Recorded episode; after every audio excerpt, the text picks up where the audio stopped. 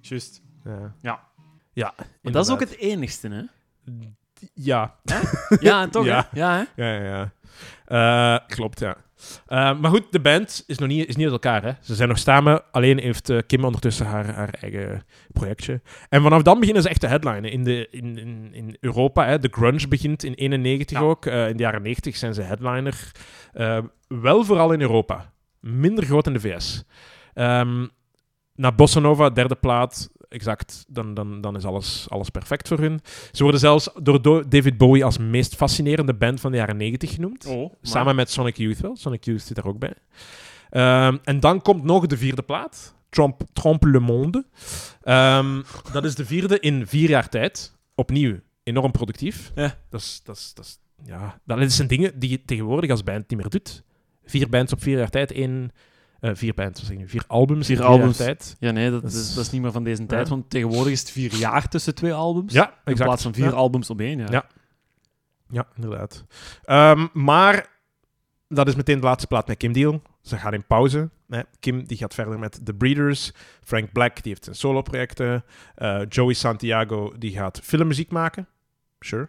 Eh, en, Sure. en, en dan plots, later dat jaar, zegt Frans, Black Francis... Nee, geen eh, pauze. We zijn gewoon compleet uit elkaar, toe, uit, elk- eh, uit elkaar. Die doet geen communicatie naar de band. Eh, die zegt gewoon op een of ander radio-interview... Ja, vanaf nu bestaat de band officieel niet meer. Oh. Ja, was een beetje een domper natuurlijk, hè. Ehm, je hebt zelfs die David Lovering, die een drummer, die gaat... Ja, niet aan lager wal, zal ik zeggen, maar die moet wel... Die, die, die gaat niet meer drummen. Die, wat doet hij? Die, die gaat magie doen en metaaldetectie op stranden en zo. Dus je merkt, heel fantastisch zit hij zijn leven ook niet in elkaar. What the fuck, Ja. carrière switch. Ja, inderdaad.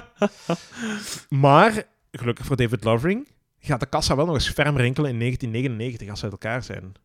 Weet je waarom? Ah, nee. Van waar kent jij Where is My, Where's my Mind? Ah, de Fight Club. Fight Club is in 1999. Ding, ding, ding. Oh, oké. Ze worden terug populair. Netjes.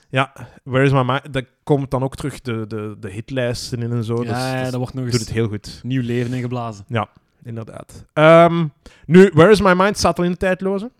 Monkey Gone to Heaven heb ik volgens mij al eens besproken. Eh, dat zou kunnen. Ja.